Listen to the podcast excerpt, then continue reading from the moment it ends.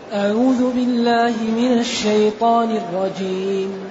بسم الله الرحمن الرحيم. يختص برحمته من يشاء. والله ذو الفضل العظيم. ومن أهل الكتاب من إن تأمنه بقنطار يؤده إليك. ومنهم من إن تأمنه بدينار لا يؤده إليك إلا ما دمت عليه قائما. ذلك بأنهم قالوا ليس علينا في الأميين سبيل ويقولون على الله الكذب وهم يعلمون. بلى من أوفى بعهده واتقى فإن الله يحب المتقين. الحمد لله الذي أنزل إلينا أشمل كتاب وأرسل إلينا أفضل الرسل وجعلنا خير أمة أخرجت للناس فله الحمد وله الشكر على هذه النعم العظيمة والآلاء الجسيمة والصلاة والسلام على خير خلق الله وعلى آله وأصحابه ومن اهتدى بهداه. أما بعد فإن الله جل وعلا يخبر أنه يختص برحمته من يشاء. يختص الاختصاص هو الاختيار والتعيين في الخير. خصه بكذا يخصه به إذا اختاره له وجعله له. يختص بما لا برحمته من يشاء. والله ذو الفضل العظيم.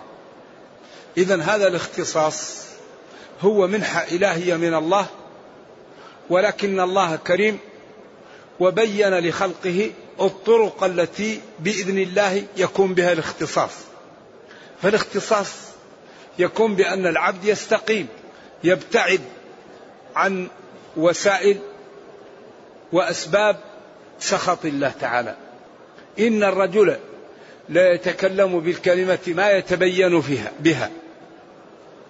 وفي بعض الروايات لا يلقي لها بال والرجل يهوي بها في النار أو يهوي بها أبعد ما بين المشرق والمغرب. وإن الرجل لا يتكلم بالكلمة لا يرى أنها تصل هذا المصب فيغفر له الله بسببها. إذا الله يختص برحمته من يشاء لكنه بين الطرق ووضحها وبين الأسباب التي يأتي بها الاختصاص لذلك نبينا صلى الله عليه وسلم وهو المغفور له ما تقدم وما تأخر ليغفر لك الله ما تقدم من ذنبك وما تأخر. وما تأخر هذه منزلة غريبة. وما تأخر. كان يقول يا مقلب القلوب ثبت قلوبنا على دينك. فهذا الاختصاص لا شك من الله لكن العبد له أن يقوم بالأسباب. و و و والعاقبة والسابقة والنتيجة مخبوءة لا يعلمها إلا الله. فلا يمكن واحد يترك العمل على أنه يعرف السابقة. فلذلك اختص برحمته من يشاء وبين أسباب دخول الجنة وأسباب دخول النار وبين أسباب العلم وأسباب التقى. فينبغي للمسلم أن يتعرض للأمور التي يكون بها ممن اختصه الله برحمته. لأنه إذا سلك هذه الطرق يكون بإذن الله تعالى ممن اختصه ربه برحمته. ولا يوجد شيء أنفع من استعمال موارد العلم في شكر الله. أنفع شيء أن موارد العلم التي منحك ربك تستعملها في شكر ربك. ولذلك الله فتح لنا الباب للإبداع للإنتاج للتفكر للتطور. قال والله جل وعلا قال في سورة النعم والله أخرجكم من بطون أمهاتكم. لا تعلمون شيئا. والله جل وعلا أخرجكم. لأن الإخراج هذا من الله. لأن لو يستمع أهل الأرض ليخرجوه من بطن أمه لا يستطيعون. ولذلك الله قال ثم السبيل يسره. هذه قدرة إلهية عجيبة. فإذا استعصى لا يمكن أن يخرجوه. لا بد يشق البطن ما يقدر. اللي يخرجه ربه. ثم السبيل يسره. والله جل وعلا أخرجكم من بطون أمهاتكم لا تعلمون شيئا. وجعل لكم السمع والأبصار والأفئدة. لاحظوا قول الله تعالى لعلكم تشكرون. أعطاكم موارد العلم لتستعملوها في شكر الله. فلا تنظر إلى الحرام. ولا تسمع حرام. ولا تفكر في الحرام. ولا تنطق بالحرام. فإذا فعلت ذلك كنت ممن اختصك الله برحمته. كنت من جملة هؤلاء. لذا سبحان الله العظيم هذا الكتاب يبين لنا كل ما نحتاجه. كل شيء نحتاجه مبين في هذا الكتاب. إذا ما ينفق في, في, في التسنين الأمة المسلمة هذا موفر لها. لأن أكثر ما ينفق على على إيش؟ على سن القوانين. الأمة المسلمة قانونها مسنون من الله. ما لها إلا أن تفتح وتطبق. كتاب تبيان لكل شيء. كل مسألة توجد في كتابنا حلها. إما بالنص أو بالإيماء أو بالتنبيه أو بالقياس أو بأي طريقة من طرق إلحاق المسكوت عنه بالمنطوق به. إذا يختص يختار ويصطفي برحمته وفضله من يشاء من خلقه. طيب من هم المخصوصون؟ ننظر في القرآن. إن الذين قالوا ربنا الله ثم استقاموا. قالوا ربنا الله آمنوا ثم استقاموا لم يلعبوا. بعدين الذين وصفهم الله بقوله تتجافى جنوبهم عن المضاجع يدعون ربهم خوفا وطمعا ومما رزقناهم ينفقون. هذا فلا تعلم نفس ما أخفي لهم من قرة أعين جزاء بما كانوا يعملون. بعدين أيضا من هم الذين اختصهم الله؟ قد أفلح المؤمنون. أفلح دخل في الفلاح وأجمع كلمة للخير الفلاح. لأن الفلاح في اللغة هو أن تأمن مما تخاف وتدرك ما ترغب فيه. هذا في اللغة. أفلح فلان إذا أمن مما يخاف منه ودرك وأدرك ما يش ما يصبو له. ولذلك الفلاح هو الفوز. الله قال فمن زحزح عن النار وأدخل الجنة فقد فاز. إذا قد فاز من؟ المؤمنون. ما صفاتهم؟ الذين هم في صلاتهم خاشعون والذين هم عن اللغو معرضون والذين هم للزكاة فاعلون والذين هم لفروجهم حافظون إلا على أزواجهم أو ما ملكت أيمانهم فإنهم غير ملومين. فمن ابتغى وراء ذلك فأولئك هم العادون. وهذا دليل على تحريم الاستمناء والعادة السرية أو جلد عميرة. هذا نص صحيح صريح في تحريمها. فمن ابتغى وراء ذلك فأولئك هم العادون والذين هم لأماناتهم وعهدهم راعون والذين هم على صلواتهم يحافظون. ما جزاء هؤلاء؟ هؤلاء جزاؤهم أنهم هم الذين يرثون الفردوس وهم فيها خالدون نص الآية؟ الذين يرثون الفردوس الجنة هم فيها لا غيرهم لا غيرهم ممن يلعب لا غيرهم من لم يكن من المصلين ولم يكن يطعم المسكين وكان يخوض مع الخائضين وكان يكذب بيوم الدين حتى أدركته الموت. هؤلاء الذين يرثون الفردوس هم فيها لا غيرهم خالدون. ما الدليل على هذا؟ وما البرهان على أن هذا صحيح؟ ولقد خلقنا الإنسان من سلالة الخلق. الخلق هو البرهان. وهو الدليل الواضح. إذا هذا الدين دين قائم على أسس وقواعد وبراهين ما هي قابلة إلا للتسليم. فحري بنا أن نعمل به وأن نقرأ القرآن وأن نتدبره وأن نعطيه الوقت وأن نشتغل به. هو فيه السعادة يكثر الحسنات يرقي الإنسان إذا فهم القرآن يرتقي. لذلك لا يوجد شيء أنفع من كتاب ربنا. إذا يختص برحمته من يشاء. هذا اختصاص. الإنسان يكثر من الصلاة يكثر من الصدقة يكثر من الاستغفار يكثر من يا مقلب القلوب ثبت قلوبنا على دينك. لأن الإنسان إذا خاف بإذن الله تعالى يسلم. عين بكت من خشية الله ما تأكلها النار. رجل غبرت في سبيل الله ما تأكلها النار. والله كريم لكن لا بد لهذا الدين من مكابدة. نحن لا ينبغي أن ننزل الدين عن أموالنا وأنفسنا. الطريقة التي نعامل بها أولادنا وأنفسنا وأموالنا لا ينبغي أن ننزل الدين عنهم. كل واحد منا يجعل الدين بمثابة نفسه وماله. فإذا فعلنا ذلك ارتفع الدين وقوي بنا وارتفعنا نحن وقوينا بالدين. أما إذا كان النفس والمال قبل الدين هذا الذي يسبب التقويض والضعف لمن؟ للأمة. إذا يختص ويختار برحمته من يشاء. الذين يختصهم هم الذين يحبب إليهم العبادة. يكره إليهم الكفر والفسوق والعصيان. يحبب إليهم الطاعة. يكره لهم أكل الغيبة. يكره عليهم المعاصي.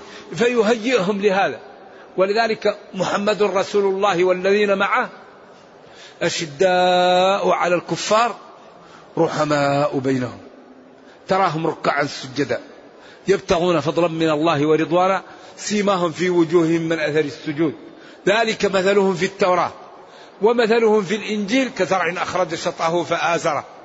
والله كل كل شيء مبين لنا في كتابنا. فحري بنا أن نتدبره. والله جل وعلا ذو الفضل العظيم ذو صاحب.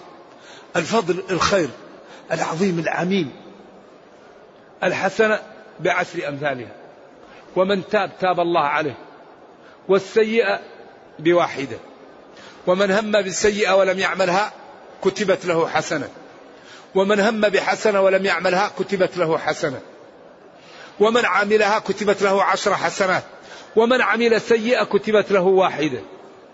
فإن تاب محيت عنه وإن عمل الحسنات السيئات تكتب له حسنات. ولا يهلك على الله إلا هالك. إذا ينبغي أن نبادر. نبادر بالطاعة. نبادر بالتوبة نبادر بالعمل نبادر أن نكون قدوة قدوة في الخير. المؤمن القوي خير وأحب إلى الله من المؤمن الضعيف وفي كل خير. عمر لما رأى الشاب جالس في المسجد قال له قم ليش تجلس؟ المسلم لا ينبغي أن يكون عالة. المسلم ينبغي أن ينفق على الآخرين ويقوم عليهم. و وعبادة الرجال منافع المسلمين. مسلم سوي عاقل. ما هو مريض ما هو مشلول ما هو متخلف. كيف يجلس ما ما يحاول أن يساعد دينه ويساعد أمته؟ ولذلك المسلم يا يشتغل لدينه يا يشتغل للدنيا. إذا كان ما عندك عمل يا أخي خذ المصحف. وكل يوم أختم لك القرآن أو كل يومين. كل يوم قل سبحان الله وبحمده آلاف المرات. صلي كما تشاء. يعني المسلم يا يشتغل لدينه يا يشتغل. أما يبقى المسلم جالس عاطل بدون ما ينتج هذا لا يقره دين ولا مروءة. فعمر لما رأى الشاب في المسجد قال من ينفق على هذا؟ قال أخوه. قال أخوه أحسن منه ولم يعرفه. قال له قم إن السماء لا تمطر. فكان ما يرضى أحد يجلس رضي الله عنه. فلذلك عبادة الرجال منافع المسلمين. بدل من الإنسان لازم يتحرك يساعد. قال له ماذا تفعل؟ قال تساعد أخرق تساعد أخرق واحد مسكين مكفوف اليد أنت ساعده. قال فإن لم تفعل قال كف عن الشر فإنها صدقة على نفسك. هذا آخر شيء. لكن المسلم ينبغي أن يتحرك ويكون خير ويكون سبب في تفعيل المسلمين. تأطيرهم للدين تأطيرهم الرقي لهم. يعني الفضائل لا تنال إلا بماذا؟ الفضائل تنال بماذا؟ بعلو الهمة. الفضائل ثمار شجر يسمى علو الهمة. الذي لا تعلو همته لا يمكن أن ينال الفضائل. لأن قيام الليل يحتاج تركش ترك النوم. البذل إعطاء مالك الصوم عطش وجوع. الفضائل لا يمكن تنال إلا بعلو الهمة. فالذي لا تعلو همته لا يمكن أن يكون من أصحاب الفضائل. لذلك الجنة غالية تحتاج لمن يبذل لها. إذا يختص ويختار برحمته من يشاء والله جل وعلا ذو صاحب الفضل العظيم. فيجازي بالأجر الكثير على العمر القليل في في الزمن اليسير. جل وعلا. ثم بين حال أهل الكتاب قال ومن أهل الكتاب من هل هي للتبعيض أو للبيان أو للجنس ومن جنس أو من بعض أهل الكتاب أو لبيان أن من بيان من أنها متعلقة بأهل الكتاب هل هي تبعيضية أو بيانية أو جنسية؟ أهل أصحاب الكتاب التوراة والإنجيل من تأمنه؟ يعني تستودعه أو تستوثقه؟ بدينار لا يؤديه إليك. بقنطار يؤديه إليك. القنطار تقدم قناطير المقنطرة وهو المال الكثير المجمع. ومنهم من تأمنه بدينار لا يؤديه إليك. إلا ما دمت عليه قائما واقفا عليه. وهذا يبين مدخل لبيان خطورة تعامل أهل الكتاب مع المسلمين لكن الإسلام دين العدالة. لما كان في أهل الكتاب جماعة طيبين ذكرهم. لأن الإسلام لا يغش ولا يغمط أي ناس حقهم ولا يظلمهم. إذا لما أراد أن يتكلم على أهل الكتاب بين قال وإن ومن أهل الكتاب من إن تأمنه بقنطار يؤديه إليك. كعبد الله بن السلام وأصحابه. لما كان الأنصاري يطالب بألف وزيادة أتاها به. ومنهم من إن تأمنه بدينار لا يؤدي إليك كفنحاص اليهودي كان يطالبه أحد المسلمين بدرهم فكتمه وقال لا تطالبني بشيء. إذا هؤلاء أهل الكتاب فيهم جماعة صالحة لهم أجرهم مرتين وفيه جماعة فاسدة. السبب في ذلك الذي حصل منهم ذلك الحاصل لهم بسبب أنهم قالوا ليس علينا في الأميين سبيل. وهذه هي مشكلة اليهود. هذه بؤرة الفساد عند اليهود أنهم يقولون إن الأمم ليسوا شيء ولا ذمة لهم ولا عندهم احترام وإنما هم كالبهائم. أما نحن فشعب الله المختار وهم الذين الناس أما غيرنا لا يسوى شيء. وهذه هي عادتهم وهي فعلتهم ولذلك يخططون لإفساد الأرض. فهم الذين أتوا بالرأسمالية وهم الذين أتوا بالاشتراكية وهم أتوا بالماركسية وهم الذين يأتون بفصل الدين عن الدولة وهم الذين يأتون بكل المشاكل. النادي الروتاري والمشاكل التي تعيشها الأمة. وبروتوكولات زعماء صهيون ترجم وهو موجود في المكتبات. كيف أنهم خططوا قبل 180 سنة ووضعوا أسئلة وجمعوا لها بلايين الدولارات وجمعوا لها آلاف العقول وبنوا لها مئات المدارس للإجابة على هذا السؤال. كيف نقضي على الإسلام؟ كيف نقضي على الإسلام؟ هذا السؤال وضعوه قبل مئة سنة وجمعوا له جمع هائل ونحن الأمة المسلمة الآن تعيش على يعني محاولة جواب هذا السؤال. أول شيء فصلوا الدين عن الدولة. وأصبح من يدرس الدين من البيت للمسجد للقبر. ومن يدرس أمور الدنيا لا يفقه شيء عن دينه. وأصبح لا يمكن واحد أن يكون في مكان مرموق إلا إذا ذهب لهم وسمموا فكره. وألغوا الخلافة وسموها استعمار. وبدل الإسلام جاءوا بالقوميات. القومية الطورانية القومية العربية. وإيه القوميات أمة أكرمها الله بالإسلام. ما لا تدعو للقوميات. والنبي صلى الله عليه وسلم لما قال الصحابة يا للمهاجرين يا للأنصار قال دعوها فإنها منتنة. كلمة منتنة هذه خطيرة جدا. انظروا ماذا حصل في راوندا. كيغالي بين التوتسي والهوتو إذا هذا دين دين عجيب. إذا هؤلاء أهل الكتاب منهم من هو على استقامة ودين وله أجره مرتين ومنهم لا يساوي شراك نعله لأنه كذاب وكافر ومجرم وظالم ومنهم من تأمنه بدينار لا يؤديه إليك. لماذا؟ ذلك بأنهم قالوا ليس علينا في الأميين في من؟ في العرب سبيل ليس علينا في الأميين سبيل لا لا حرج علينا فيه وهذه هي بؤرة التوتر عندهم إنهم يروا أنهم إذا ظلموا المسلمين أو إذا وقعوا لهم أن هذا الشيء لا يضر. وإنما الناس كالبهائم هم شعب الله المختار وغيرهم. وهذه مشكلة الحقيقة يعيشونها. ذلك بأنهم قالوا ليس علينا. انتهينا هنا. لا يؤديه إليك إلا ما دمت عليه قائما. وإذا إذا داينته لا يؤديك إلا إذا كنت واقفا عنده. اختلفوا فيما دمت عليه قائما. تلح عليه أو واقف عليه أو آخذا رهنا منه. أما إذا غبت عنه أو تفرقت معه ولم تأخذ حقك فإنه حري بأن يكتمه ولا يعطيك حقك. وهذا الأسلوب يدل على أن أهل الكتاب منهم ناس استقاموا على دينهم. وكما قال صلى الله عليه وسلم لهم أجرهم مرتين من كان على الكتاب فلما جاء الإسلام دخل فيه. ولذلك الرجل الذي تكون عنده الجارية فيعتقها ويتزوج له أجره مرتين والعبد أيضا الذي يستقيم على الدين له أجره مرتين. ناس لهم أجر مرتين.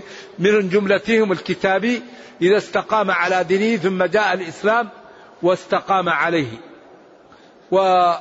وفي هذا الأسلوب تنفير من أهل الكتاب والتحذير منهم وأنهم يعني كثير منهم يعلمون الحق ويتركونه وأنهم لا يرون في ظلم المسلمين والعرب وفي يعني المخالفة فيهم لا يرون في ذلك ضير وهذا مما يجعل المسلمين وبالأخص الذين كانوا يعيشون بين ظهراني النبي صلى الله عليه وسلم مع اليهود أن يأخذوا حذرهم ويأخذوا الحيطة من إيقاع اليهود بهم لأنهم دائما يحاولون أن يوقعوا بالمسلمين.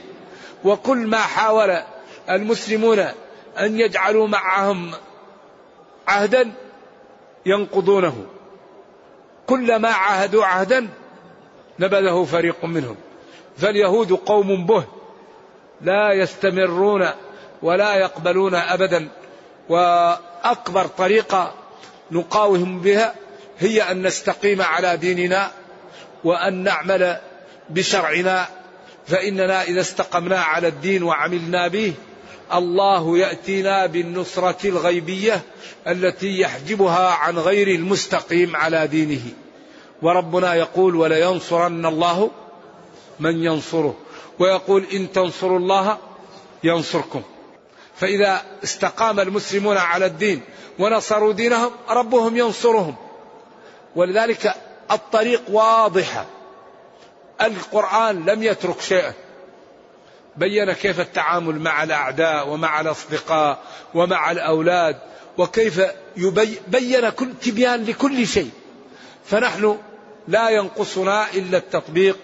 نرجو الله جل وعلا أن يعيد المسلمين إلى دينهم وأن يقوي شوكتهم ويوحد صفوفهم. وأن يحفظ هذا البلد وأهله ويحفظ جميع المسلمين عامة وأن يرد عنهم كيد أعدائهم إنه خير مسؤول والقادر على ذلك وصلى الله وسلم وبارك على نبينا محمد وعلى آله وصحبه والسلام عليكم ورحمة الله وبركاته. بالأمس قال لي أحد الإخوان أن في آيات أشكلت ألف فيها الشيخ أحمد بن عبد بن تيمية رحمة الله عليه. ويقول إنه مطبوع الكتاب لكني لم أقف عليه. في آيات أشكلت، نعم. جزاه الله خير.